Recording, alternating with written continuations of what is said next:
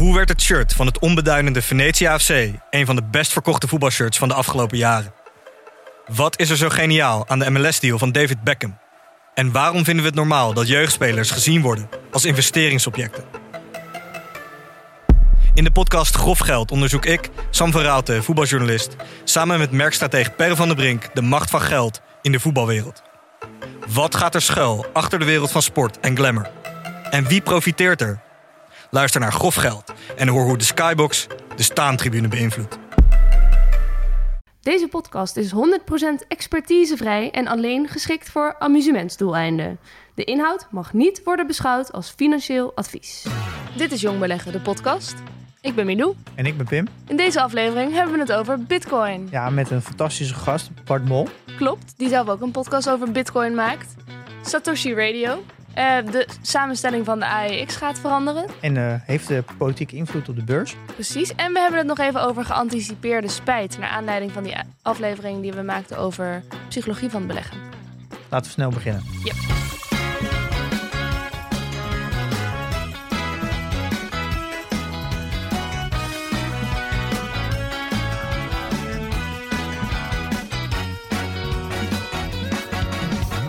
Welkom Bart. Ja, dankjewel. Leuk dat je er bent, uit Rotterdam. Helemaal uit Rotterdam. Ik vind Rotterdam zo'n leuke stad.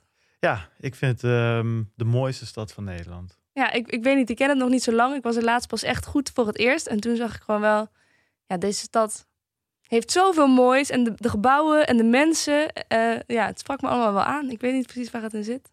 Ja, ik heb, ik heb op zich hetzelfde hoor. Alleen ik had het ook een beetje hetzelfde met Amsterdam. Ik ben een paar jaar of vijf, zes jaar geleden gaan werken na mijn studie in Amsterdam. Ja, en dan ontdek je opeens Amsterdam. Terwijl ik mijn hele leven in Rotterdam had gewoond. Dan kom je opeens achter de grachtjes en de chaos en, uh, en, en, en, en de hectiek van Amsterdam. Dat is dan ook wel leuk. Maar ja, uiteindelijk als ik dan gewoon weer in Rotterdam ben... en gewoon lekker langs de Maas kan lopen... dan, eh, ja, dan voelt het toch wel als thuiskomen. mij. En inderdaad, qua architectuur is Rotterdam echt eh on-Nederlands bijna. Ja, ja. Ja. vette stad. Pim, wat jij? Ja, ja, ja ik eh, hou hem toch meer van Amsterdam. Ja, oké. En dat is ook waar we zitten op dit Precies. moment. Dus kijk aan. Zal mijn mond erover houden voordat ik hier de studio Nee, ja, nee, dat maakt me, nee, dat maakt mij helemaal niet uit hoor. Je mag je accent wel wat aanzetten. Dat vind ik ook wel leuk. Iedereen zijn zijn eigen voorkeuren. Ja. Hey, voordat we eh, straks het over Bitcoin gaan hebben, waar ik echt heel veel zin in heb, kijken we al langere tijd naar uit. Eh Pim Zeker. en ik volgens mij allebei wel. Eh, nog even een reactie op eh, nou ja, een bericht uit de community op een aflevering die we een paar weken geleden maakten. Aflevering 42 over de psychologie van beleggen. Hebben we een berichtje van een psycholoog gekregen. Is misschien wel leuk om even door te nemen. Ja. Zij schrijft, Denise schrijft. Als psycholoog werd ik extra blij toen ik deze aflevering zag. Ik heb hem geluisterd. Goed dat jullie mensen bewust maken van onbewuste processen. En zoals je al zei, Pim, je kan er heel veel afleveringen over maken. Een begrip dat vaker door mijn hoofd is gegaan tijdens het luisteren van de podcast. En voor mij een aandachtspunt blijft, is geanticipeerde spijt. Ik betrap me er zo vaak op dat ik neig dingen te kopen op basis daarvan. En dan legt ze dus uit wat dat is. En geanticipeerde spijt is dus dat je nu dingen gaat doen om in de toekomst te voorkomen dat je spijt krijgt dat je het niet hebt gedaan. Een irritante psychologisch proces. Ja, ze noemt ook wel toekomstige spijt. Ja. En, eh, in de marketing is het ook heel bekend. De postcode loterij maakt er ook heel erg gebruik van. Eh, want het, ja, de, de prijs kan in jouw postcode vallen. En als al je buurmannen Oh ja. een, eh, een lot hebben en jij niet, ja, dan hebben die allemaal nieuwe auto's in de straat eh, en jij niet. Dus je koopt eigenlijk dat lot om te voorkomen dat je straks spijt hebt. En niet Mhm. zozeer omdat je heel graag mee wil doen. Hmm, en dit komt eigenlijk ook ook wel, ja. Ja, dit komt denk ik ook heel vaak voor met aandelen, vooral aandelen die heel hard gaan, waar iedereen over praat. Dan wil je eigenlijk gewoon het aandeel hebben omdat je wil voorkomen dat als het straks heel succesvol is en heel hard gaat, dat jij er niet over mee kan praten, dat je er niet bij hoort.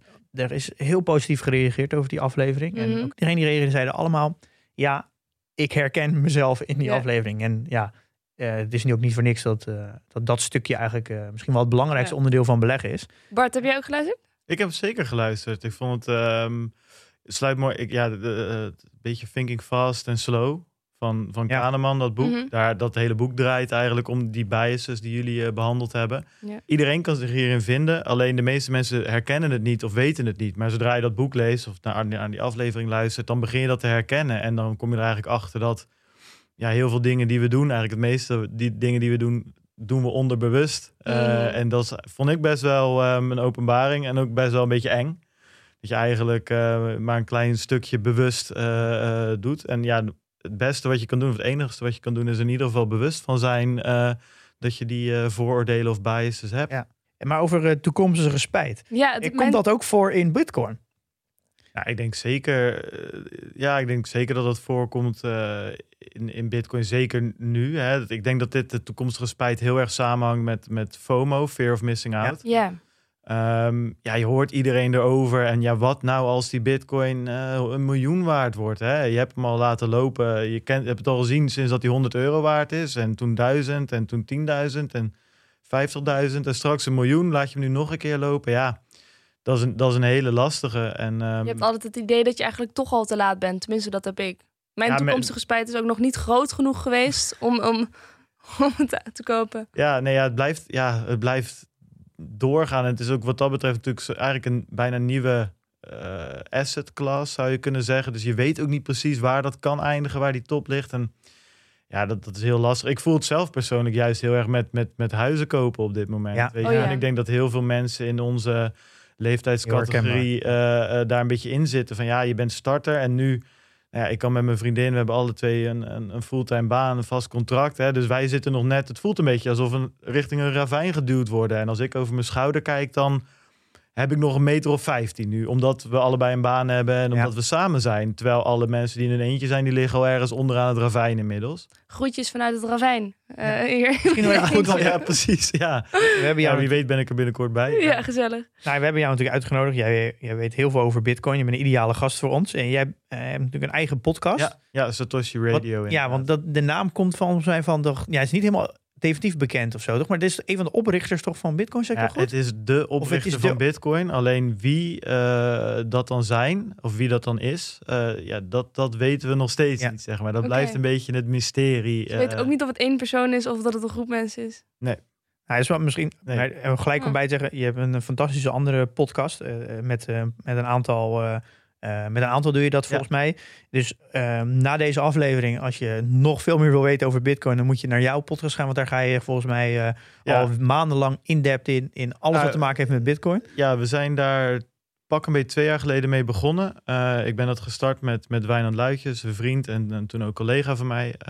die is er afgelopen jaar mee gestopt. Toen zijn Bert en Peter Slachter daar ingestapt om mij te helpen. En nu doen we het met z'n drietjes. En uh, ja, Oh, ja. ik ben heel blij uh, hoe dat gaat. Die jongens schrijven voor zichzelf en voor hun website lekker cryptisch. Schrijven ze artikelen ja. over, uh, over bitcoin. En andere moeilijke onderwerpen, complexe materie hebben ze het altijd over. Dat kunnen ze heel goed. dus ik ben enorm blij dat ze daarbij zijn. En, en elke week maken we met z'n drietjes een podcast over bitcoin inderdaad. Ja, ja leuk. Ehm, kan je eens beginnen met wat is een bitcoin? Ja, ja, dan gaan we terug en direct weer springen we direct weer dieper in daarna, denk ik. Denk dat het uh, um, heel lastig is om, om dat heel simpel te definiëren. Ik ga wel een poging wagen hoor. Um, ik denk dat Bitcoin is een digitaal, decentraal, schaars goed. Dat is, dat is het simpelste en het meest, meest samengedrukte uh, ja, uh, definitie die ik ervan kan maken. En uh, want dat zijn voor mij de drie belangrijkste dingen. Dus schaars, decentraal en, en digitaal. En, en hoe is bitcoin dan ontstaan? Is het, uh, is het... En want hoe het ontstaan van geld, dat kennen we allemaal. Dat is op een gegeven moment vervanging voor... Het is, we waren aan het ruilen en op een gegeven moment hebben we daar ja. geld voor bedacht. Dat is makkelijker dan kippen met koeien ruilen. hoe, is, hoe is bitcoin ontstaan? Nou ja, Bitcoin is ontstaan uh, uh, na eigenlijk de, de financiële crisis in 2008. Dat is een beetje een reactie op het, ja, op het huidige monetaire systeem en de, ja, de fouten die daarin zitten. Of Satoshi, die, uh, dus de oprichter, die vond eigenlijk dat dat niet juist was hoe we op dit moment ons, ons, ons financiële systeem hebben ingericht. En heeft daar eigenlijk op gereageerd door, door, door Bitcoin te maken. Heeft hij alle Bitcoin ter wereld gemaakt? Nou ja, Bitcoin, er zit dus, uh, ik, ik denk dat dat, dus dat is het schaarste uh, gedeelte. Ja, of is het een uitvinding bijvoorbeeld? Hoe zie je het nou? Ja. Er, zijn er, er zijn er 21 miljoen in totaal. Dat is het maximale wat er ooit zou zijn. En die worden gemined. Daar hebben de meeste mensen denk ik inmiddels wel van gehoord. Ja. Uh, dat is net als dat goud dat uit de grond wordt gehaald, wordt bitcoin ja, eigenlijk ook uit de grond gehaald. Uit de digitale grond gehaald, om het zo maar te zeggen. En per uh, ja, per bitcoin blok, zeg maar, komen er, worden de bitcoins uitgegeven. Maar hier, dit vind ik altijd lastig, want hier ga je alweer De zo, diepte in, zo ja. diep de, de diepte in. Als, als we even teruggaan, is een, een, eh, de bitcoin draait eigenlijk op de blockchain. En dat is volgens mij een heel groot onderdeel van eh, de bitcoin, toch? Eh, als er geen blockchain was, was er ook geen bitcoin. Ja, het is onafscheidelijk van Ja, elkaar. maar De meeste mensen krijgen al kortsluiting bij het woord blockchain. Ja, maar Ja, de, de blockchain technologie, dat, de bitcoin is bedacht Samen met ontstaan. de blockchain. samen met de Ja, blockchain. dat staat als je de whitepaper leest. Dat is zeg maar het, het artikel zeg maar, met de theorie eh, eh, die Satoshi heeft geschreven. Dat is overigens maar zes acht pagina's, eh, vrij kort. Daar wordt dat concept genoemd. Maar dat is eigenlijk, eigenlijk vanuit een innovatieperspectief echt revolutionair, Ja. toch? Dat, dat je, Nou ja, kijk, het, het, het punt is, kijk, dat je bij, bij, bij normaal geld heb je een overheid en een centrale bank die daar monetair beleid over uitvoeren. Dus die kunnen zeggen wat, wat de ECB bijvoorbeeld op dit moment zegt. Wij sturen op 2% inflatie. En als wij zien dat de rente te hoog wordt, dan drukken we dat. En daar hebben we bepaalde, eh, bepaalde knoppen waar we aan kunnen Ja. draaien. Of we kunnen, als, de, eh, als we de econo- economie aan moeten duwen, dan, eh, dan komen we met een opkoopprogramma. Hè. Dus die verruimingsprogramma's die er nu zijn, zeker Ja. met corona, zijn die wereldwijd ja, redelijk hard aangestart. ja, En bij Bitcoin is het hele idee, ja, dat, dat kan dus niet. Ja. Het, het, het beleid ligt vast van tevoren en dat is transparant. Dus er zijn er 21 miljoen, dan kan je er niet zomaar 42 van maken. Althans, Ja. het kan wel, maar dan moet je eerst iedereen ervan overtuigen dat dat, eh, dat, dat de bedoeling is. maar ik denk, ik Hmm. merk heel snel, ik, eh, als het gaat over bitcoin, dan wil ik altijd twee dingen scheiden. Eentje is gewoon de technologie Ja. aan zich, want volgens mij is, is daar zit volgens mij de, de beauty in bitcoin. Ik denk ook dat heel veel mensen die fan worden van bitcoin, het fan worden omdat de onderliggende technologie echt revolutionair is. Ik denk dat je dat wel kan zeggen, denk ik. Ja, Eh, dat, daarom denk ik ook vooral de mensen uit de technologiehoek zo'n fan zijn van Bitcoin, omdat het echt iets magisch bijna is vanuit technologisch punt. En daarna krijg je natuurlijk meer het politieke stuk, het sociale stuk, het economische stuk. En dat gaat over de toepassing daarvan. En daar, en daar wordt vaak de discussie over Ja. gevoerd. Eh, want je hebt het natuurlijk net over de sociale of de monetaire verruiming en zo. En dat is natuurlijk eigenlijk aan de ene kant heel goed, natuurlijk dat overheden eh, de munt kunnen bewaken en kunnen voor kunnen zorgen dat er eh, ja, dat ze er kunnen controleren hoeveel rente er is, hoeveel inflatie is en deflatie. Als, je, als daar geen enkele controle op is wereldwijd, ja, dan krijg je swings, daar kan je, word je eng van.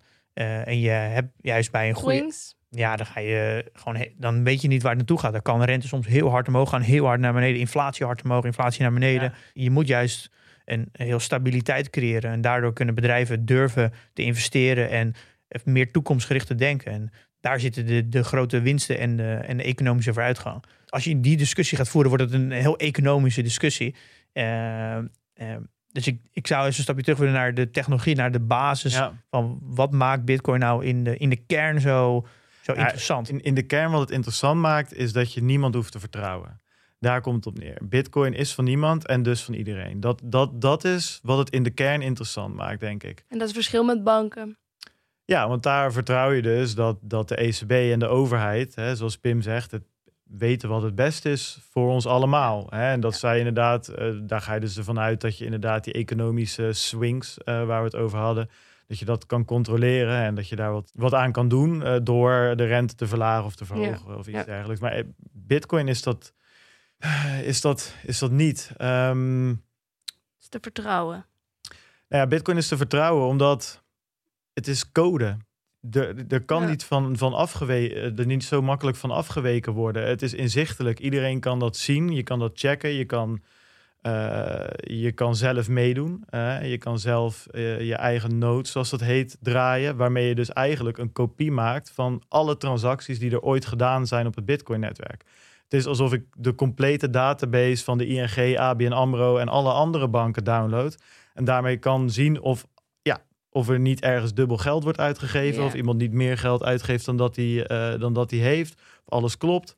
Of er daadwerkelijk eh, het geld wat in, de, in omloop zou moeten zijn... ook daadwerkelijk eh, op die bankrekeningen staat, ja of nee. En dat kan ik nu niet. En Dus dat als ik het met dus zo samenvat, eigenlijk nu beheert de ING of de ABN AMRO de waarheid eigenlijk. Ja, Want Wij hebben onderling transacties, Milou en ik. Maar de, de ABN AMRO of de ING, die, eh, die bewaart die, die Ja. waarheid. Dus als de ABN AMRO zegt dat wij tien transacties hebben gemaakt... dan is dat ook eigenlijk gelijk de nieuwe Ja. waarheid. Ook al hebben wij er misschien maar vijf gedaan.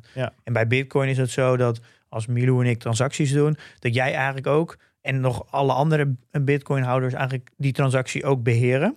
Waardoor Ja, eigenlijk niet één iemand kan zeggen... Dit zijn, oh, dat- jullie hebben de tien gedaan. precies. En je valideert ze ook. Dus je hebt bepaalde regels. Hè. De belangrijkste zijn daar dat er een, een, een beperkt aantal munten is. En de tweede is dat je niet een dubbel spend heet dat. Dus dat als ik een euro heb en ik geef hem aan Pim, dat ik hem niet daarna nog aan Milou kan geven. Ja. Dat, maar dat Pim 2 euro heeft of, of die 1 Ja. euro van mij. En dat controleer je dus. Dus elke keer, dus als we teruggaan naar de basis, je hebt gewoon, Bitcoin is gewoon een betaalsysteem. Een betaalsysteem beta- bestaat uit transacties, zo simpel is het. Ik had het net over die blocks. Elke 10 minuten, dat is eh, of ongeveer elke 10 minuten, is er een blok met transacties. Dat moet je zien als een, als een bus. Laten we het heel simpel houden. Je hebt eh, op eh, Amsterdam Centraal heb je een busstation. Elke 10 minuten komt er een bus. In die bus kunnen 50 mensen mee.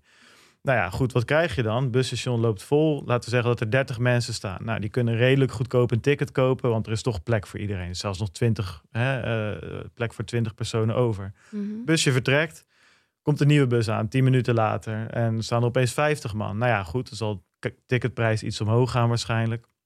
Bus vertrekt weer. En op een gegeven moment, we zijn nu, hè, dan hebben we het over 2010, 2011. We zijn nu verder. Bitcoin is populair, dus er staan wel 2000 man te wachten soms bij dat bus. Ja, dus die mensen die staan te wachten, dat symboleert de mensen die geïnteresseerd zijn in bitcoin. Om Dat het zijn de transacties. Laten we het, eh, dat zijn de mensen die, die een transactie doen. De bus Ja. zijn die blokken en die worden volgestuurd met transacties. Ja. En pas als je in de bus zit, is jouw transactie daadwerkelijk hè, gedaan, om het zo Ja. maar te zeggen. Ja. Dus die bus die gaat weg. Nou, tien minuten later weer een.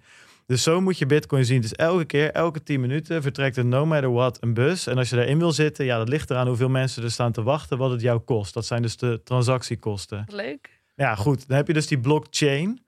Want wat maakt het nou zo veilig? Nou, je moet eigenlijk een soort van zien dat die bussen met kettingen aan elkaar vastzitten. Dus Het wordt steeds leuker. ja, het wordt steeds leuker. Dus als jij eh, een, een transactie wil veranderen die in een bus zit, die een uur geleden vertrokken hè, eh, is, dan moet je niet alleen die bus terughalen, maar ook de vijf bussen daarvoor. Ja, en waarom zou je een transactie willen veranderen in een bus die tien bussen verderop is? Nou ja, zodat, dan, dan kan je dus frauderen. Ah, op die manier. Dus dat, idee- dat is de idee- veiligheid die je Ja, het inbouwt. idee is volgens mij aan de voorkant van de bus en de achterkant van de bus zit een code en die wordt ook weer gebruikt in de andere bus. Precies. Waardoor dus als je, als je één bus eruit haalt en je zet er een nieuwe bus in, klopt die connectie niet meer met de bus ervoor en daarna. Betekent dat je die bus ervoor na ook moet aanpassen. En, en, daarna. dat, en dat gaat maar gewoon door. Waardoor, Vooral, vooral daarna. ja, waardoor je dus on- eigenlijk bijna een oneindigheid aan Ja. bussen moet veranderen. Ja. En die rekenkracht, die, Die ga je je nooit, niet. die ga je nooit winnen. Ah. Normaal heb je dus gewoon een ING die al die, of een Rabo of whatever, ABN, die al die transacties verwerkt en bijhoudt of dat klopt met iedereen zijn Ja. rekening. Eh, en dat, dat heb je nu niet nodig. En, en na- los van dat je dan er eh, vanuit kan gaan dat er dus niet gefraudeerd kan worden, is het ook nog gewoon een hele klus voor allemaal medewerkers van de ABN en ING om precies uit te zoeken of er gefraudeerd wordt. Dus een heel hoop werk en dat kan er wel eens wat tussen- tussendoor glippen. Maar Ja, en ik, denk, en ik denk, frauderen heb ik het hier dus over eh, de regels misbruiken eh, van, van zo'n blockchain. En dat is die Ja. dubbel spend. Kijk, ik bedoel, ik kan nog steeds frauderen in de zin van witwassen of whatever. Dat staat daar los van. Ja, oké. Eh, dit is echt gewoon de, de regels die we met af hebben gesproken. Dus ik heb een euro, die kan ik maar één keer uitgeven, niet twee keer.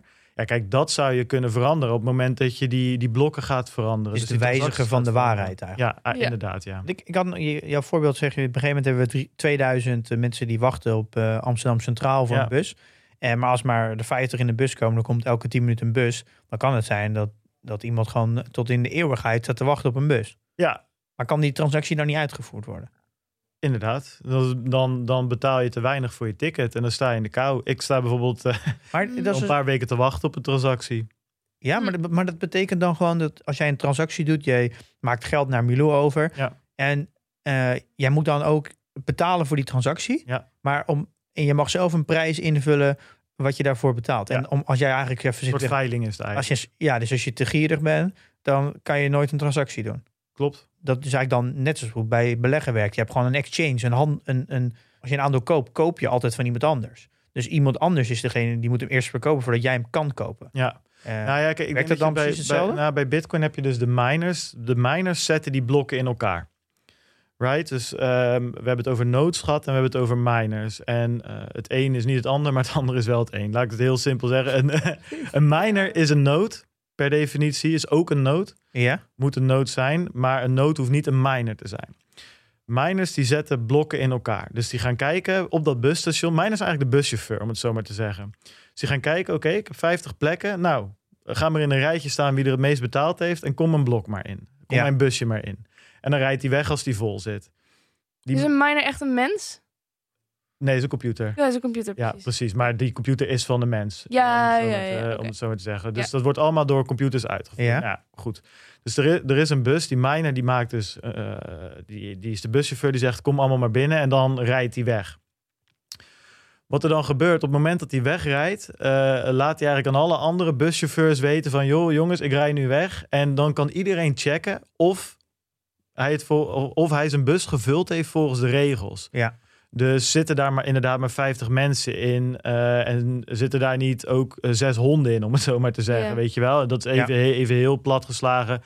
eh, wat, de regels, eh, wat, eh, wat, wat de regels zijn. En wat je met die miners wil, je wil niet dat elke keer, om het, de- decentrale aspect, anders kan je net zo goed naar een bank gaan. eh, je wil dus niet dat elke keer dezelfde buschauffeur zijn bus mag vullen. Ja, oké. ja. Dus je wil een bepaalde randomness erin Spreiding. in krijgen, spreiding daarin krijgen. En daar komt dat hele eh, eh, energieverhaal vandaan. Kijk, in principe de regels die je opstelt zijn heel, heel makkelijk te volgen. Van oké, mogen alleen mensen in een bus, geen honden. En eh, ze moeten allemaal een pet op hebben. Ja. Ik zeg maar wat. Ja. Dat is heel makkelijk te berekenen. Dat is zelfs zo makkelijk te berekenen dat je daar niet per se die spreiding mee krijgt. Dus wat er gedaan wordt is van oké, dat zijn de regels. Plus, wacht even, er is nog een extra regel. Geef mij het antwoord van eh 3 keer 54 gedeeld door 3 en daar de wortel van. Ja, goed, dat is heel moeilijk. Dus men, al die miners die gaan proberen dat sommetje uit te Dan krijg je rekenen. try and error eigenlijk. Precies, trial and error. En wie het eerste dat sommetje heeft uitgerekend, plus eh, de andere regeltjes gevolgd heeft, die mag wegrijden met zijn busje.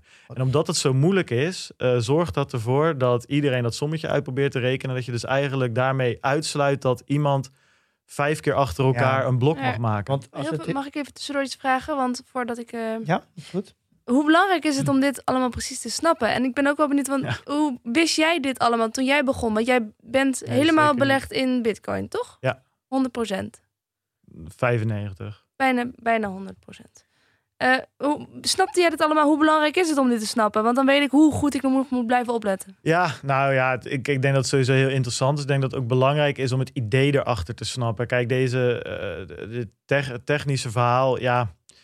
ja. Ik denk uiteindelijk dat niet iedereen dit gaat snappen en dat desondanks Bitcoin een, een onderdeel van hun leven gaat worden. Dus ehm, Ja. Want bijvoorbeeld, ik snap ook niet precies hoe het internet werkt. nee, En hoe dat allemaal gaat met verkeer. Maar ik weet wel hoe ik het moet gebruiken. Klopt, maar ik denk wel dat het dus wel heel... eh, dat is een hele goede vergelijking die je daar maakt. Ik denk dat het wel heel belangrijk is. Kijk, het internet is ook gebaseerd op protocollen. En ehm, ja, daar hoef je ook niet alles van te weten... behalve dat het open is, dat het van iedereen is. En dat gel- hetzelfde geldt voor Bitcoin-protocol. We zijn in de Ja. loop der jaren... we zitten een beetje midden in die, in die informatierevolutie... eh, die gestart is met het internet...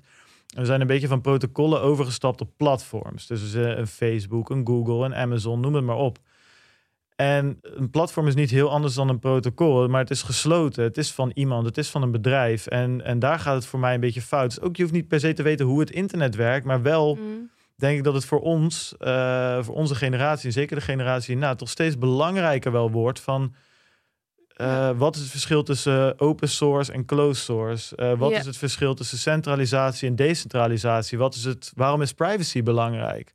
En dat zijn dingen die je wel meekrijgt op het moment dat je over Bitcoin gaat nadenken. Ik, ik, moet zeggen, ik deel niet helemaal jouw mening. Want ik vind, Mijne? ja, want ik vind juist als je je, je je spaargeld ergens in steekt, iets waar je, waar je hard voor gewerkt hebt en heb je over en dat wil je investeren, beleggen voor later, dan is volgens mij één hele belangrijke voorwaarde, geval vind ik, en daar gaat de hele podcast over, is dat je begrijpt waar je in investeert. Ik denk dat als je begrijpt wat Bitcoin doet, dan ga ren je ook meer, minder snel weg als je, Ja. als je naar beneden gaat. En dat geldt natuurlijk voor alle, alle vormen van beleggen.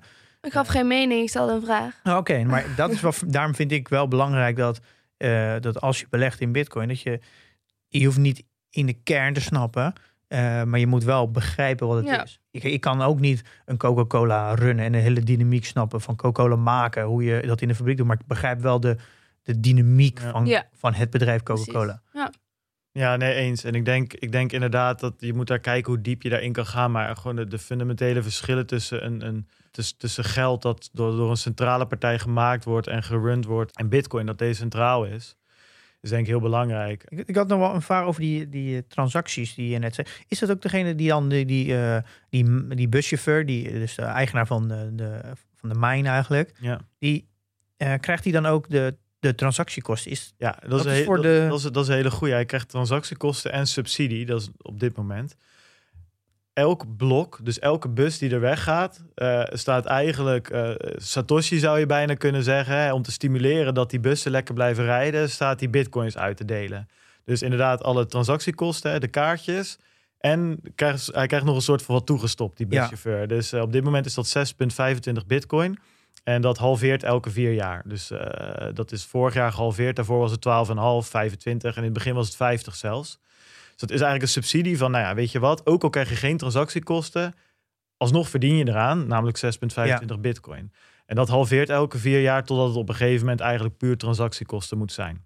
ja, dan, dat betekent eigenlijk dat. Dus dat is natuurlijk een marktwerking dan. De prijs van een transactie blijft, zal altijd de prijs blijven, zodat je die mijn kan blijven runnen. Ja. Want als, die, als al die mijnen eh, ja, niet break-even kunnen draaien, dan gaat niemand meer dat doen en dan kan je geen transacties meer doen. Dus die transactieprijs gaat, blijft altijd, het is een marktwerking. Ja, het is ik. inderdaad een marktwerking. Ja. En eh, wat je wel krijgt als die subsidie afneemt en die miners die moet blijven in dezelfde omvang met dezelfde apparatuur minen en hebben dezelfde kosten daaraan. Ja, dan moet er ergens anders wat omhoog. En dat is dus de, de bitcoinprijs eh, in dit geval. Of de, transactie, eh, de transactiekosten. Dus laat ik zeggen, als je geen ehm, eh, nieuwe bitcoins meer krijgt, dan is eigenlijk het enige waar je nog aan verdient transactiekosten. Dus die moeten dan omhoog. En dat impliceert dat die basis bitcoin laag waar we het nu over hebben, alleen nog maar gebruikt wordt voor enorm grote transacties met die enorm veel waard zijn, waar je dus ook hogere eh, transactiekosten kan betalen. Ja. Dus dan beweeg je je echt naar een eh, bitcoin als ja, globaal settlement systeem bijna. Dus een soort van ja, de, de, de, de absolute het fundament, zeg maar, qua, qua geldsysteem. Ja. Eh, nu kan het zo zijn dat je op een gegeven moment twee weken lang op een busstation staat met je ticket van 2 euro, omdat je gewoon niet meer in zo'n blok komt. Je komt niet meer in die bus. En dat is ook zo. Ik denk dat dat, eh, dat uiteindelijk, eh, de, de, het was een beetje in het begin toch wel de belofte van Bitcoin. En dan had- er werd een peer-to-peer electronic cash genoemd eigenlijk, of digital cash. Ja, dat wordt wel een stuk lastiger. ehm, ja, omdat het steeds grotere eh, eh, bedragen worden. eh, Ja. Als je nog die transactiekosten wil kunnen betalen. Dus ik denk dat Bitcoin meer een, ja, een onderliggende laag gaat worden. En dat daar systemen opgebouwd moeten worden. waar gewoon de gewone man of vrouw op straat gebruik van kan En maken. hebben we het dan over cryptocurrencies? Of wat is Nee. dat eigenlijk? Ik denk bijvoorbeeld PayPal zou dat kunnen. PayPal biedt Bitcoin aan eh, aan hun gebruikers in Amerika op dit moment wordt wereldwijd. En dan kan je op een gegeven moment met eh, je PayPal Bitcoins kan je ook betalen bij winkels. Dat zou een extra laag kunnen zijn. Visa en Mastercard, of eh, een, van die twee in ieder geval, is bezig met, eh, met, het, met het aanbieden van Bitcoin als betaalmiddel. Dan gebruik je eigenlijk hun systeem om te schalen. Dus Bitcoin als basislaag en daarbovenop Ja, kan van alles gebouwd worden wat beter schaalt. Ja, die, dat, eigenlijk dat ecosysteem daarop, die Bitcoin, dat moet wel komen. Want Ja. als de transactiekosten omhoog gaan en je wil op een gegeven een biertje kopen voor, eh, nou in, Ja, dat gaat op dit in Amsterdam is het 5 euro ondertussen. Maar dan gaan de transactiekosten straks omhoog, hoger zijn dan, dan de transactie zelf. Ja, ik denk dat Bitcoin zeker in Nederland, Dus dat- met wat wij gewend zijn, daar op dit moment geen geschikt systeem Nee, dus je voor moet eigenlijk het ecosysteem erop. Eh, is dus wel heel belangrijk voor het succes van Bitcoin uiteindelijk. Als betaalmiddel Ja, als eh, zeker, ja. ja. ja. Ja, maar eigenlijk is toch de om echt een soort van investment thesis te maken over dat Bitcoin op lange termijn moet er toch een betaalmiddel zijn. Ja, dat weet ik niet. Je hebt natuurlijk, eh, ik, ik ben het daar denk ik wel, wel, wel mee eens. Ik denk dat het ook wel kans van slagen heeft als het puur een store of value blijft. Hè? Dus die, dat, dat decentrale en die, die bijna deflationaire, dus het, het uh, of deflatoire, een van de twee, in ieder geval die, die harde cap van 21 miljoen coins Ja. die er is in een, in een wereld waar fiat currencies uh, ja, bijgedrukt kunnen worden en bijgedrukt worden. Ja. Is misschien ook al wel genoeg. Alleen dan, dan heb je het meer, en dat is ook. Um, was laatst een Noorse uh, miljardair die met zijn, uh, met zijn bedrijf uh, Bitcoin ging kopen. En die had daar een hele mooie brief gemaakt aan zijn aandeelhouders waarom die dat ging doen. En hij zegt: Oké, okay, er zijn eigenlijk drie scenario's. Of Bitcoin wordt helemaal niks. Nou ja, goed, dan, dan houdt het op. Of het wordt een soort digitaal goud. Of het wordt, wat, waar ik het net over had, een soort globaal monetair systeem. De basis van, van, van digitale betalingen wereldwijd. Ja. ja, er zit nog wel een verschil tussen die laatste twee. Hè? Ja. Maar dit is, vind ik wel interessant wat je nu zegt. Je, je schetst nu eigenlijk drie scenario's waar wat, wat Bitcoin uiteindelijk kan worden. En kan je iets wat meer vertellen over waarom zou Bitcoin, is jouw investment thesis, waarom is Bitcoin een interessante belegging? Ja, ja dat is een goede. Um, Misschien is het ook gewoon goed om een, ehm, om de, hoe noem je dat, eh, de, eh, wa- de situatie waar we in zitten te schetsen. En ik denk dat de luisteraars van de podcast, want jullie hebben dat ook eh, laatst ook bij, bij de vooravond op tv ook gezegd van ja, weet je, eh, we zitten gewoon in een, in een wereld waar sparen, ja, buiten misschien zes maanden of een jaar een noodfonds eh, op je bankrekening, op je spaarrekening, daar houdt het wel op, weet je, als je geld wil verdienen of koopkracht wil behouden. Het, Ja. het, het- met de, met de eh, inflatie die we hebben, plus de rente die we niet hebben op onze spaarrekening, verlies je daar koopkracht en geld. Ja. En dan ga je op zoek. En eh, nou ja, waar jullie uit zijn gekomen bij, bij, bij een bredere vorm van beleggen, dus vooral aandelen, ben ik uitgekomen bij, ehm, bij, bij Bitcoin. Maar ik denk dat het heel goed is om te schetsen dat de uitkomst misschien al- een andere plek is, maar het, het startpunt hetzelfde. We voelen dezelfde problemen. We zien alle, allemaal ons huis, ons droomhuis, elk jaar verder uit, eh, eh, uit het zicht verdwijnen. Terwijl we keihard sparen dat jaar. Dat is raar. Dat, dat, Ja. dat, dat, dat, dat, Ja. dat klopt niet helemaal. En ehm, ik denk ehm, wat, wat voor mij de, het, het, het meest revolutionaire is, naast het hele blockchain verhaal waar we het net over hadden, dat is misschien lastig te begrijpen. Maar als je kijkt naar ons, eh, ons huidige geldstelsel en ons huidige betaalsysteem, dat is allemaal lokaal geboren.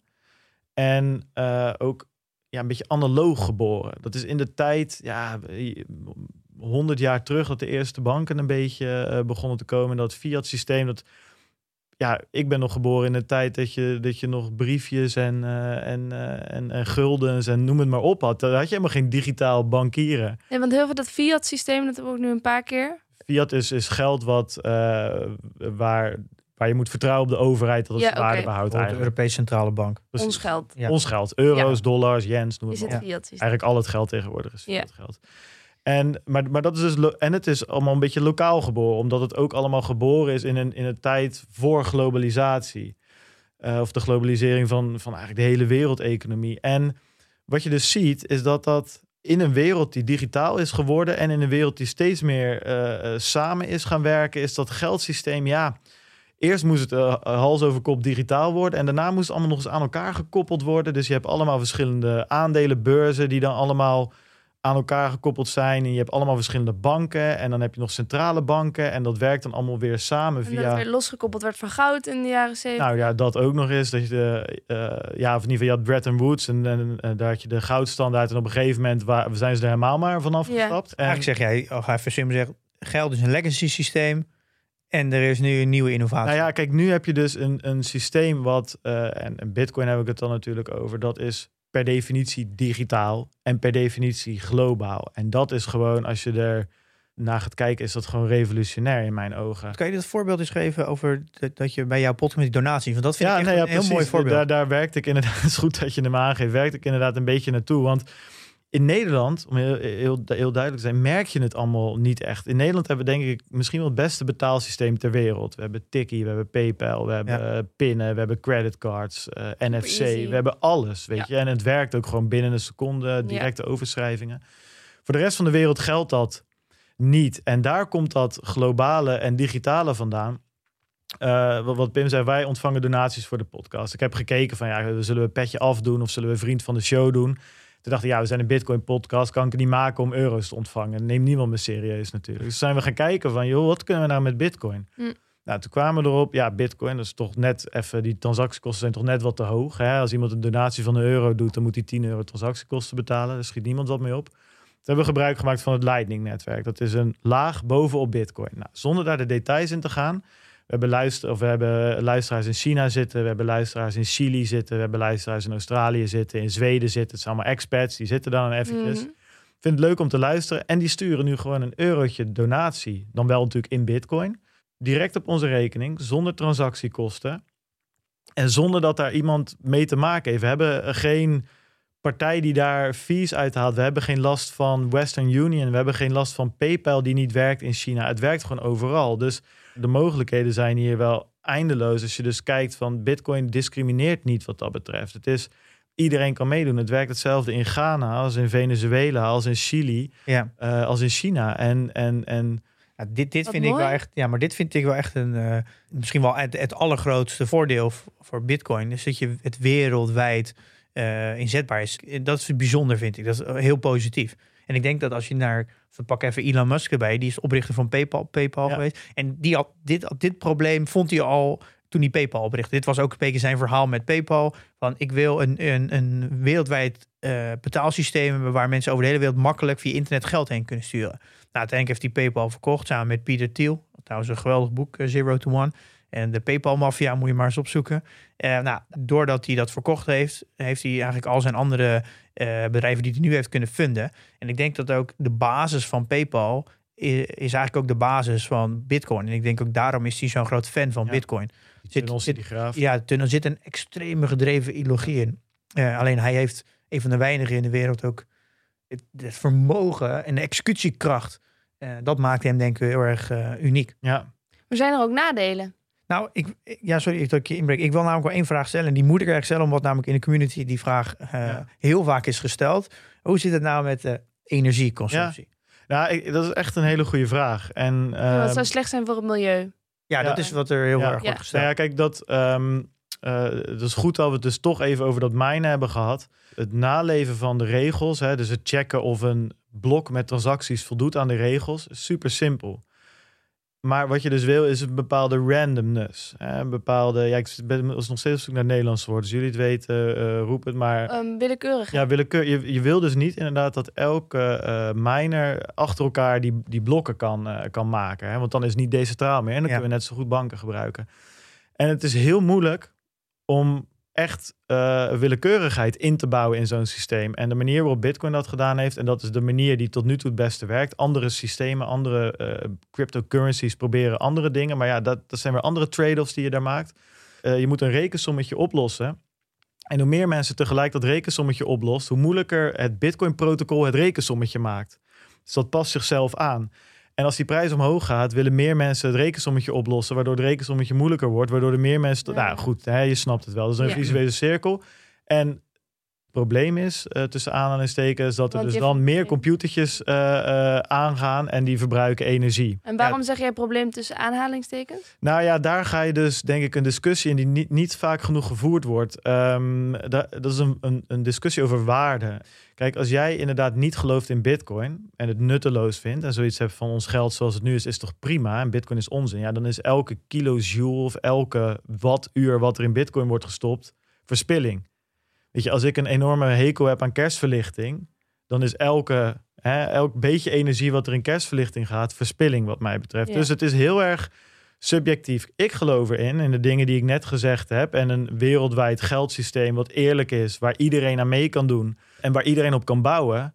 Dat is voor mij best wel wat energie waard, zeg maar. Want het huidige systeem werkt ook niet zo lekker. Het zorgt in mijn idee voor met, eh, met de inflatie eh, eh, die er is, dat het heel erg, het is heel erg gedreven op consumptie. Eh, en niet zozeer op sparen. Terwijl Bitcoin eigenlijk dwingt eh, in ieder geval over na te denken: van geef ik nu iets uit als ik weet dat mijn Bitcoin waarschijnlijk in ieder geval zijn koopkracht behoudt. Dat is het idee. Oh ja. Hè? Dan kan ik misschien ook wat meenemen naar morgen of naar tien, over tien jaar. Ja, ik, dat hoef is het juist niet, wel goed natuurlijk. ik hoef het niet vandaag uit te geven, omdat het eh, eh, morgen minder waard is. Maar dat is toch juist ook wel een beetje de kracht van een kapitalistische samenleving. Dat het geld in de toekomst moet minder waard zijn. Want je moet een incentive hebben om te blijven nou dat, investeren. Dat, dat, dat, dat, valt de, daar ben ik de economie stil. Ja, ben ik het niet direct mee eens. Ik denk in een, in een maatschappij waar er gespaard wordt, wordt er ook geïnvesteerd. Wordt er alleen beter nagedacht over die investeringen. Ik denk dat er nu zoveel goedkoop geld in omloop is, dat er ook gewoon heel veel rotzooi ehm, gefinancierd wordt, ehm, ehm, die anders gewoon zou verdwijnen, zeg maar. Gewoon van die zombiebedrijven die nog een beetje blijven leven, terwijl hun business eigenlijk al lang dood is. Maar het energieverbruik, daar wil ik, daar wil ik wel even, Ja. Even op terug. Ik zat in de auto nog aan te denken. En ehm, je kan het denk ik ook wel vergelijken met Tesla. En ik vind het eigenlijk interessant dat daar die discussie veel minder speelt. Hè? Dus je gaat van een, een, een oud systeem, auto's op benzine en, en diesel. Ga je naar een nieuw systeem, auto's op elektriciteit, een andere vorm eh, van, van energie. En dat is goed, wordt er vaak gezegd. En daar ben ik het ook mee eens, denk ik. Alleen dan moet je alsnog kijken van... oké, als ik een Tesla rij, die energie, die elektriciteit uit die laadpaal... komt die uit de windmolen of komt die hier uit die kolencentrale... die aan de zijkant van Amsterdam staat? Dat maakt nogal een verschil. Want als het uit die kolencentrale komt... dan ben je eigenlijk niet heel veel energiezuiniger bezig... dan een diesel of een benzine rijden. En ik denk dat dat, dat, bij, dat die eh, vergelijking ook opgaat voor bitcoin. Namelijk dat je dus moet kijken eh, eh, waar die energie, die elektriciteit die het verbruikt, waar die opgewekt wordt. En niet zozeer hoeveel elektriciteit er gebruikt wordt. Ehm, en het, Ik, snap dat verhaal natuurlijk wel, maar ik, ik, wat ik, eh, ik begreep volgens mij nu dat de, de energieconsumptie al meer is dan, dan heel Nederland bij elkaar in een jaar tijd. En dat het exponentieel toeneemt. Dus als we, eh, als we dat helemaal doorrekenen, dan gaat op een gegeven moment de bitcoin net zoveel energie verbruiken als heel Europa bij Ja. elkaar. Dus, het, dus van het, het succes van bitcoin geeft ook aan dat het dus daardoor exponentieel meer stroom gaat gebruiken. Waardoor het eigenlijk, ja. als het, dat, dat staat heel erg haaks op waar wij natuurlijk de hele wereld naartoe willen. Eh, Ja, nou ja, dat weet ik dus niet. En eh, ik, ik weet welk onderzoek jij doelt. Dat vind ik ook het vervelende. Er worden eh, constant, als het gaat om de energiediscussie, wordt er of gerefereerd aan, aan onderzo- onderzoeken van Alex de Vries of aan die van de Universiteit van Cambridge. Ik ben daar beide wel ingedoken. Alex hebben ook een paar keer in de podcast gehad. En er zitten ook wel aardig wat aannames in die onderzoeken, zeg maar, die vaak een beetje zijn eh, beetje eh, uit het zicht verliezen. En dan worden de one-liners ingegooid. Oké, het verbruikt niet meer dan een land of whatever. ja. En dat, dat, vind ik, dat vind ik een lastige. Kijk, ik denk dat je heel goed moet begrijpen wat de dynamiek is voor zo'n miner. Als miner is heel simpel. Je krijgt bitcoin. En daarvoor eh, heb je twee kosten. Namelijk je kosten voor je apparatuur en je kosten voor je elektriciteit. Right? Nou, die kosten voor die apparatuur, daar kan je niet zo heel veel mee. Misschien als je een hele grote order plaatst, dat je wat korting krijgt. Maar daar, daar ga je het verschil niet op maken. Waar je het verschil wel op gaat maken, is op je elektriciteitskosten. Waar is elektriciteit eh, het goedkoopst? Op plekken waar er een overschot is aan energie, aan elektriciteit. Dus wat je ziet is dat miners vaak op plekken gaan zitten. Ze gaan op zoek waar de elektriciteit over Koos is. ja. Eh, dus bijvoorbeeld bij eh, eh, hydro-energie, dus bij een stuwdam, waar er op een gegeven moment gewoon een overschot is. Eh, bij windmolens, eh, bij zonne, eh, zonnefarms, zeg Ja. maar. Wat je zelfs nog zou kunnen zien, als we het even lostrekken van hoe het nu is, hoe het zou kunnen zijn, dat miners gewoon überhaupt naar plekken vertrekken waar de energie nu letterlijk in de grond verdwijnt. Je kan wel zonnepanelen midden in de woestijn zetten en dan kan je wel veel energie omzetten in elektriciteit. Transport is ook nog nodig, zeg maar. En dat is lastig. Daar gaat energie verloren. Dus je kan niet zomaar een energiekabel door heel de Sahara trekken. Op een gegeven moment eh, ben je dan wel klaar. Wat je wel zou kunnen doen, is daar een Bitcoin mining farm neerzetten met zonne die met zonne-energie aangestuurd wordt. Hm. Het enige wat je dan nodig hebt is een internetconnectie. En je kan die energie die anders in het zand was verloren was gegaan, kan je omzetten in Ja. elektriciteit. Dus kijk, ik, mijn punt is, is dat ik niet wil zeggen dat het geen probleem is of dat we er niks mee moeten doen.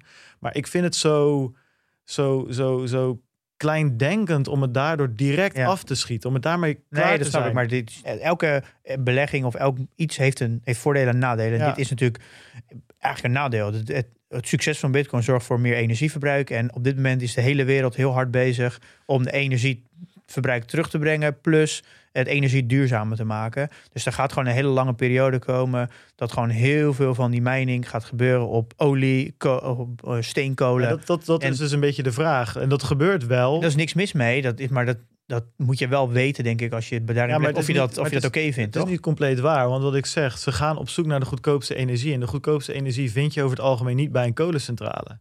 Want die kan je gewoon, als er geen vraag is, dan zet je zet je, je kolencentrale uit. En dan behoud je je kolen op het moment dat er vraag is. Kijk, het punt met, met duurzame energie is dat je de wind niet stop kan zetten. Je kan de zon ook niet stopzetten of een rivier. Weet je, die energie is er. Ja. En ja, je kan je sluis wel openzetten, maar dan, ja, dan stroomt die rivier door. Ja, op dit Dus- moment is natuurlijk niet duurzame energie altijd nog goedkoper dan duurzame energie. Nou ja, dat ligt er dus aan voor jou en mij wel. Ja, Maar niet per se voor een bitcoin miner die je gewoon in een container kan zetten en letterlijk naar plekken kan verschepen waar Dus- er een overschot is. Bitcoin kan een soort oplossing zijn voor ons probleem wat we hebben met het opslaan van die renewable Precies. energie. Ja, dat is precies het punt. Kijk, op dit moment zijn we op zoek naar batterijen. Je zou kunnen zeggen dat het nu mogelijk is voor mensen in Afrika, om maar eens wat te noemen, eh, om daar eh, iets wat ze lokaal in overschot hebben, misschien eh, wind of zonne-energie of whatever voor, voor energie, dat ze die om kunnen zetten in een, een middel, een globaal economisch middel. Dus een, een, een munt die ze globaal uit kunnen geven. Ja. Wat Ja, vind ik, vind ik een. Vind, ik- vind, nou, daar is er wat voor te zeggen natuurlijk, zeker. Dat, eh, Ja. ja. dus ja. dat, dat, dat is hem voor mij een beetje plus. Maar goed, ik ben nooit zo echt van de jijbakken, maar ik ga me er toch tussendoor gooien. is ja, als je een, eh, een goudmijn ziet en wat voor ravage dat achterlaat in, eh, in de directe omgeving. Niet alleen qua klimaat, maar ook gewoon dat letterlijk gewoon de natuur gewoon echt aan gort geholpen wordt. Ja. Of een diamantmijn van mijn part.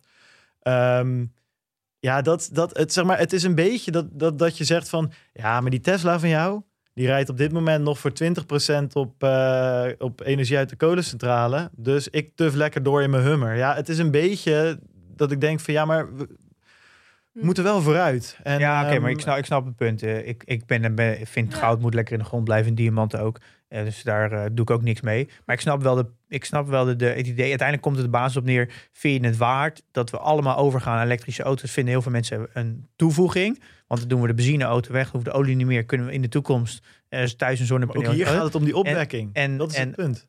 Ja, maar ik bedoel meer te zeggen, als jij de bitcoin niet als toevoeging ziet, dan is elke energieconsumptie waar jij mee begon, is Ja, nee, verspilling. nee, nee, Daar zeker. is natuurlijk uiteindelijk de basis van deze discussie eh, eh, over verbruikt het nou veel of weinig. Ik vraag alleen om een open blik. Ik heb Ja. zelf Ja. denk ik best een open blik naar de Nou, negatieve ja. dingen van Bitcoin. Maar ik denk dat, dat ja, sta eens open voor dat soort eh, eh, beetje je out-of-the-box ideeën. Dat Bitcoin misschien een economische batterij kan zijn waar je energie om kan zetten in iets van geld.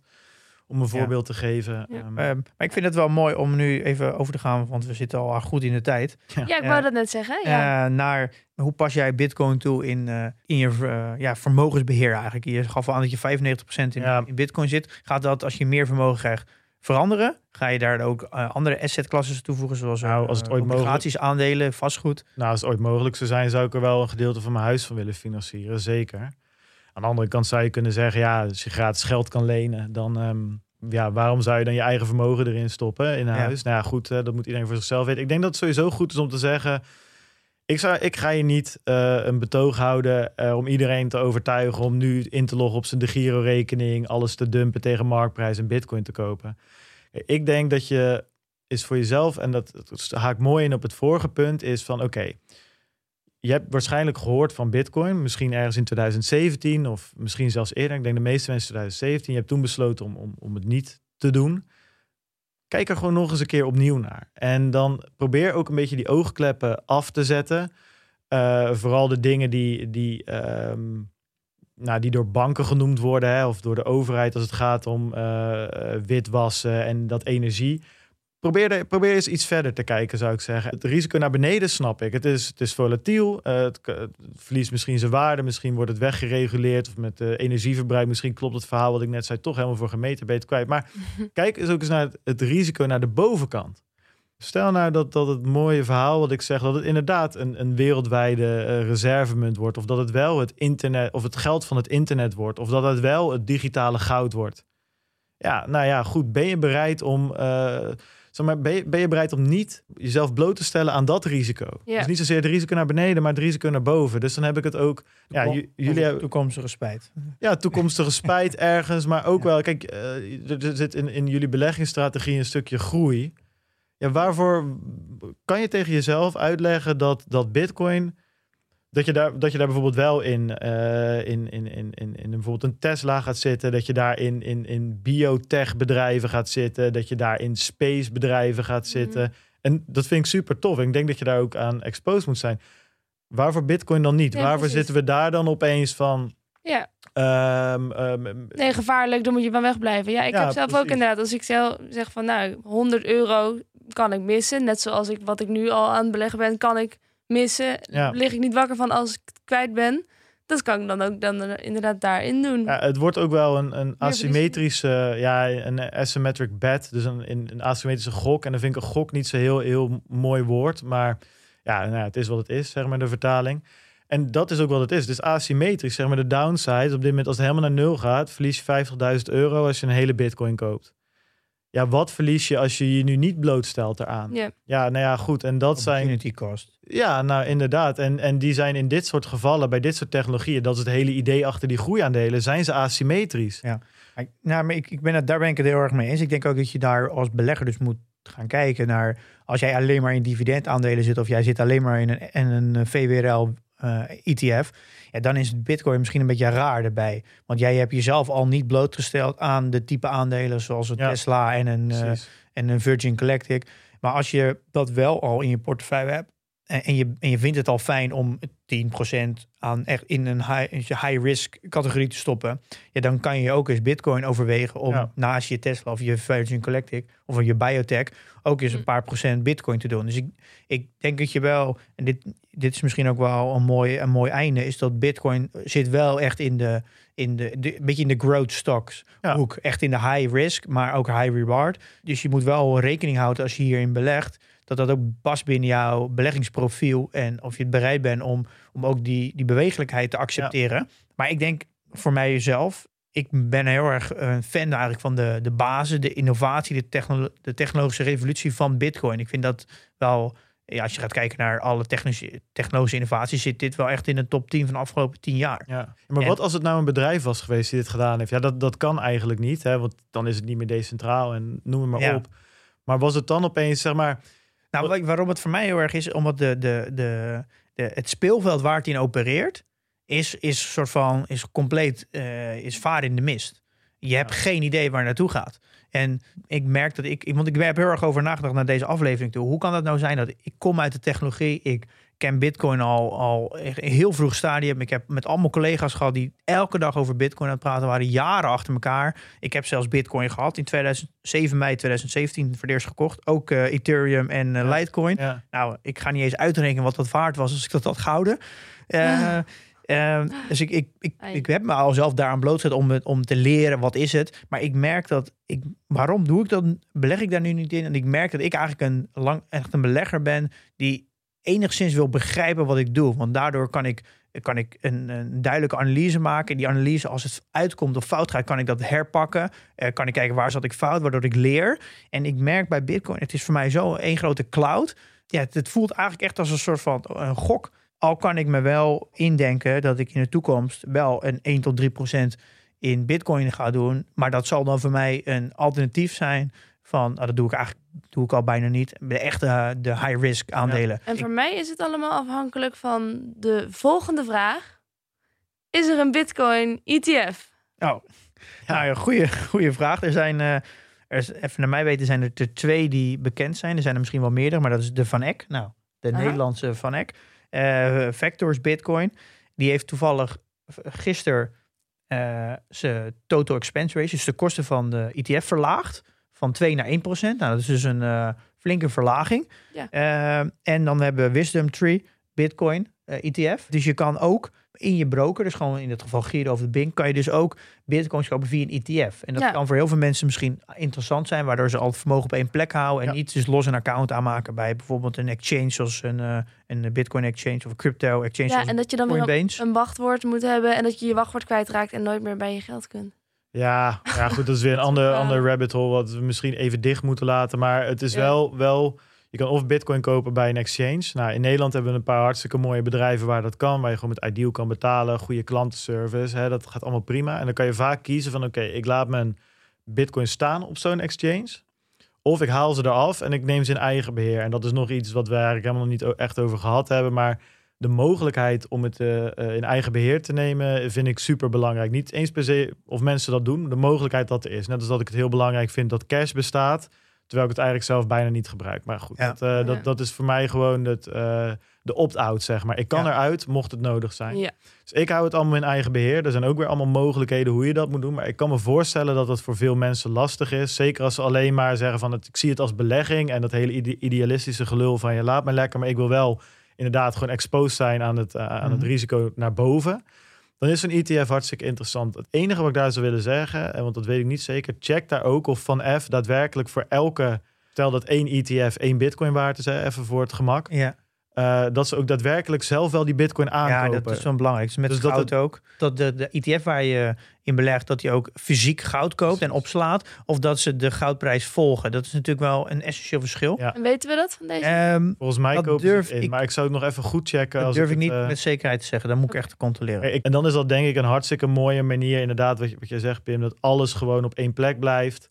Eh, naast je aandelen, dat je één, één portal hebt waar je in kan. Dat je niet druk hoeft te maken over hardware, wallets en moeilijke Dan dingen. kan je ook makkelijker herbalanceren natuurlijk. Want als je bijvoorbeeld zegt, ik wil 2% in inderdaad. bitcoin en bitcoin stijgt hard, dan room je wat af. En dan zo kan je dus ook makkelijk je, Ja. in de Giro je... Ja, ik Ja. denk dat het voor heel veel mensen, zeker ook het publiek wat hier luistert, eh, die al zo'n rekening hebben door die hele KYC, mikmak heen zijn gelopen, dat dat prima is.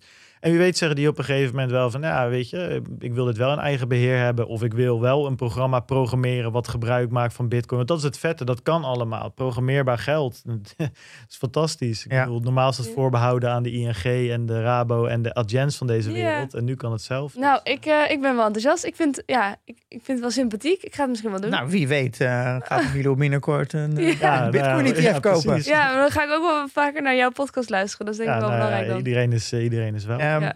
Ja, we, ik kan echt uren met jou doorpraten, Bart. Eh, geweldig. Eh, ik heb Ja. echt ook nog honderd vragen voor jou. Ja. je bent Ehm, ook altijd bij ons Maar eh, als het dus, gaat, eh, ik hou heel erg van praten. En als het gaat over innovatie en nieuwe dingen, Ja. eh, vind ik leuk. Ja. Ehm, Ik vond het ook leuk. Nog leuker dan ik had gedacht. zullen we een, een gaan naar een vrienden beetje. van de show gaan? Ja, laten we dat doen. We hebben weer een hoop nieuwe vrienden erbij gekregen. En daarvoor willen we iedereen bedanken. Leuk dat jullie meedoen en erbij zijn. Ik zal even eentje voorlezen, omwille van de tijd. Eh, van Bert. Al meerdere jaren bezig met beleggen, soms uitbesteed en soms zelfstandig in ETF's of losse aandelen. Via de boeken van Warren Buffett en het internet kwam ik de podcast tegen van Pim en Milou. Wat een geweldig team, wat een leuke podcast. De energie straalt gewoon van de podcast af. Echt een genot om te luisteren. Vragen die ik ook zou kunnen stellen worden meteen gevraagd door Milou. Nog nooit eerder meegemaakt, echt super. Nou, nou, Ja. nou, wat leuk. Ja, dankjewel Bert voor de mooie dat iedereen zich ook bijna voorstelt in de community. Ja, Heel leuk om. Ja. eh, Ja, dat is een hechte groep aan het worden. Ehm, en update eh, doen we volgende week. Hè? ja, misschien Want- even kort eh, het nieuws, even één tel. Dat we natuurlijk in de AX, die gaat er binnenkort anders uitzien. Ja. ABN AMRO en Glappigos gaan eruit.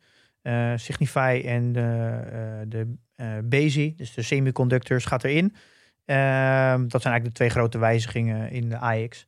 Dus ik denk dat iedereen dat wel meegekregen heeft. Maar we- wij krijgen even een herweging. Dus de AX wordt nog meer technologie. 40% wordt nu eh, technologie. Dus een, de AX wordt nu langzaam eh, het Nasdaq aan het ei genoemd. Oké, portfolio Pim. Eh, geen transacties gedaan, weer niet. Ik merk, ik moet nog één ding even delen. Ik merk dat ik heb wel moeite, ik heb steeds meer moeite dat, dat, dat mijn portfolio zo publiek is. Oh ja? Omdat ik steeds meer druk voel om een transactie te doen die ik goed kan uitleggen. Omdat ik wel merk dat heel veel mensen heel erg met mij meekijken. En ik voel me ook steeds meer verantwoordelijk.